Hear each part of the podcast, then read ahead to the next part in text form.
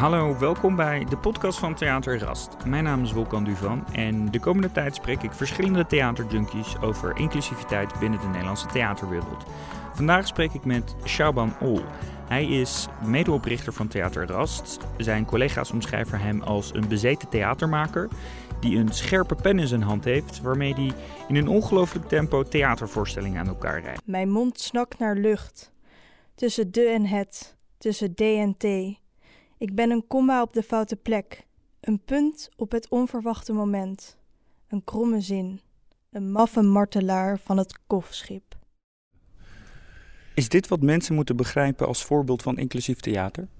Nee, dit is wel een reactie op die vraag naar de inclusiviteit. Het is een, toch een uh, wat venijnige. Uh, het is geschreven met een venijnige toon, wel oprecht. Maar ik heb, ik heb zo'n déjà vu gevoel omdat ik dat stuk geschreven heb in 2001. En we zijn 18 jaar verder. En de discussie is nog altijd gaande. Ara Haliji, Hal Halisi. Halici. En als je het zou zeggen op zijn Turks, is het Halije. Toneelspeler, musicalacteur. En volgens jouw Wikipedia-pagina heb je in 26 verschillende voorstellingen gespeeld. Waaronder Piaf, Ja zuster, Nee zuster en in de muzikale voorstelling Bloedbroeders. Hoorde je net al, maar oh ja. En wat ik altijd wel fascinerend vond, ook toen ik begon uh, in het musicalvak uh, en ik om me heen keek naar collega's, uh, dat ja, ik, ik miste wat dat betreft heel erg veel diversiteit aan heel veel hè, Nederlandse collega's. Hoe, hoe, zie je dat dan? Nou, dan doen we, hè, iedereen doet dan met z'n allen auditie. Ga je voor een rol, voor een bijrol, voor een ensemble. Nou, doen we allemaal auditie en uiteindelijk kom je op de eerste lezing. En dan zie je, oh, jij bent aangenomen. Oh, jij bent ook aangenomen. Oh, wat leuk, jij bent ook aangenomen. Ja, ik ook. Um, en je kijkt dan om je heen en denk je, ja, dat, ja, dat zijn heel veel lieve, fantastische supercollega's. Maar het is allemaal van, uh, noem het maar dan, van Nederlandse afkomst voornamelijk. Ik wil dat men begrijpt waarom het voor een ander vervelend is als u op basis van uh, cultuur of kleur of niet-Nederlandse achtergrond wordt afgewezen, terwijl iemand gewoon wel competent is. En vandaag doe ik dat met iemand van de krant, een journalist. En bovenal iemand die de makershemel kan opkleuren met sterren. Ik heb het over recensent cultuur en media van de Volkskrant, Annette Embrechts. En ik heb me alleen maar gerealiseerd dat er nog veel meer met dit onderwerp moet gebeuren dan tot nu toe is gebeurd. Dus het, het wordt alleen maar belangrijker. Anders missen we ook de volgende generatie. Dat is niet alleen de reden hoor, maar we, we lopen anders ideeën mis, verhalen mis uh, en generaties mis. En vaak wordt ook gezegd van journalisten: ze hebben een dubbele agenda, ze hebben een invalshoek als die vraag aan jou moet worden gesteld, wat is jouw invalshoek uh, voor dit gesprek? Wat zeg je dan? Eh, dat ik erin veranderd ben. Dat ik denk dat ik twintig jaar geleden, tien jaar geleden veel stelliger wist hoe het zat. En dat ik nu me wat, ja, bescheidener is niet het goede woord, wel iets bescheidener in mijn opvattingen, dat ik wel uh, een andere houding heb aangenomen. Dat ik uh, veel nieuwsgieriger ben geworden. Dat ik nieuwsgierigheid ook als uh, middel zie om in gesprek met elkaar te gaan. Dus dat ik me veel bewuster ben van mijn eigen rugschak. Als, nou ja, je had het net over kinderen als witte vrouw met drie pubers in huis en uh, net vijftig. Dus dat ik me veel bewuster ben van: oké, ik doe ook mijn werk met mijn bagage en mijn rugzak. En anderen doen dat met hun bagage en hun rugzak de generatie die nu aan, uh, aan de poorten staat, die brengen nieuwe verhalen mee. Die zijn ook, uh, ze brengen ook meer ambacht mee. Dat zie je ook. Uh, kijk, er is nu een generatie die ook nog in vakmanschap is opgeleid, die de toneelacademie in Maastricht heeft gedaan. Ehm, maar er is ook een generatie die brutaler is in het, ehm, in het kiezen van eigen vormen. Of dat nou muziektheater is, of locatietheater, of met je moeder op een podium gaan staan, of een ego-document formuleren, of een seat at the table maken, waardoor je eh, onderhuids racisme probeert aan te kaarten. Die generatie klopt met originelere vormen en nadrukkelijker aan de poort. Paulette Smit. Zij is onder andere vicevoorzitter van de Amsterdamse Kunstraad. Die komt iedere vier jaar op verzoek van de gemeente Amsterdam met een verkenning van het culturele landschap in Amsterdam. En op mijn verzoek bespreken we een van die hoofdstukken uit die verkenning. Hoofdstuk inclusiviteit. Hallo Paulette. Hoi. Hoi Volker. Um, hey, voordat we echt beginnen, wil ik je eerst een stelling uh, voorleggen waar je ja of nee op mag antwoorden. Het liefst natuurlijk moet antwoorden. En die stelling luidt: culturele instellingen uit Amsterdam sluiten bewust bepaalde bevolkingsgroepen uit. Nee, dat denk ik niet. Ik denk dat, dus nee. Ik, ik moest ja of nee, hè? Nee. Uh, we wilden een speciaal, een apart hoofdstuk zetten, omdat het kunstenplan vaak niet inclusief genoeg is. En dat is niet alleen uh, culturele inclusiviteit, maar ook bijvoorbeeld uh, uh, groepen die met, met, de handicaps. mensen die theaterbezoekers, waar, waar je niet, je kan niet overal naar binnen, niet iedereen, dus ook niet inclusief. Dus dat het over de volle breedte van, van culturele, culturele inclusie, zeg maar. Ik heb een aantal stukjes uit dat hoofdstuk heb ik eruit gepikt. Um, en ik denk dat het interessant is om, om gewoon even door te nemen samen. Bijvoorbeeld de eerste pagina, inleiding hoofdstuk 3.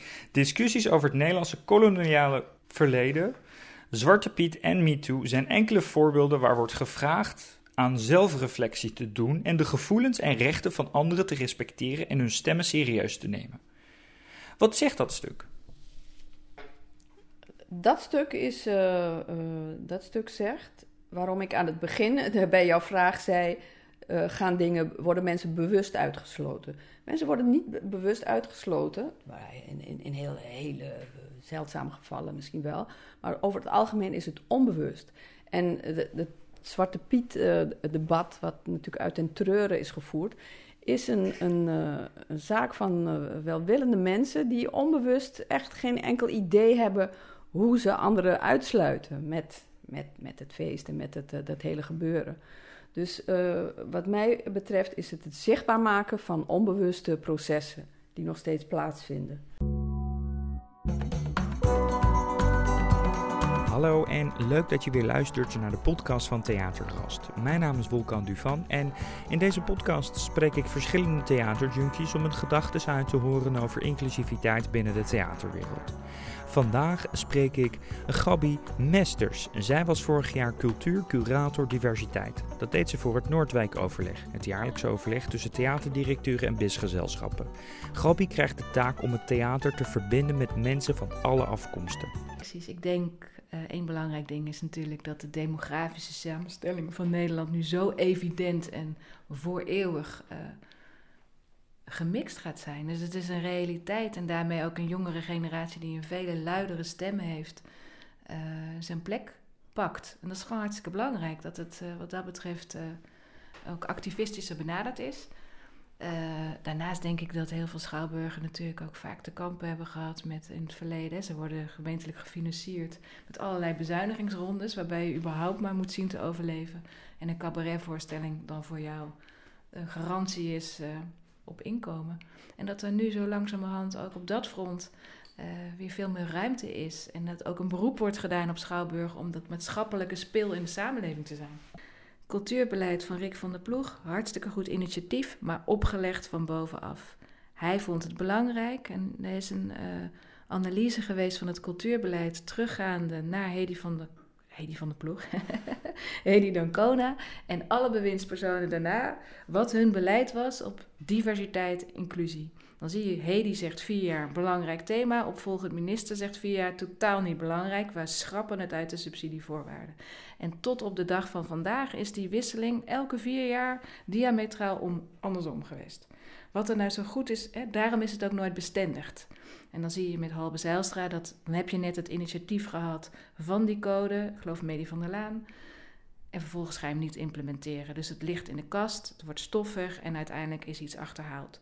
Wat anders is van dit initiatief is dat het uit de sector zelf komt. Dus deze 21 partners hebben zelf gezegd: wij vinden dit belangrijk. Het is geen subsidievoorwaarde. We gaan eigen geld uittrekken. En we gaan er vooral tijd en energie in stoppen. En dat hebben ze echt heel consistent gedaan. Hallo, welkom bij Theater Exclusief. Fijn dat je weer luistert. Mijn naam is Wolkan Duvan. Vandaag zit ik in Podium Mozaïek in Amsterdam naast iemand die na 30 jaar theater maken als geen ander moet weten hoe en waarom er zoveel over inclusiviteit wordt gesproken. Heeft hij na al die jaren nog het gevoel dat de discussie zin heeft? Of voert hij het gesprek inmiddels tegen wil en dank? Naam Gilil Toxus, oprichter, medeoprichter van Theater Rast. Zijn nieuwste voorstelling Tosca, zijn Koerdische vertelling op de beroemde opera van Puccini, is net in première gegaan.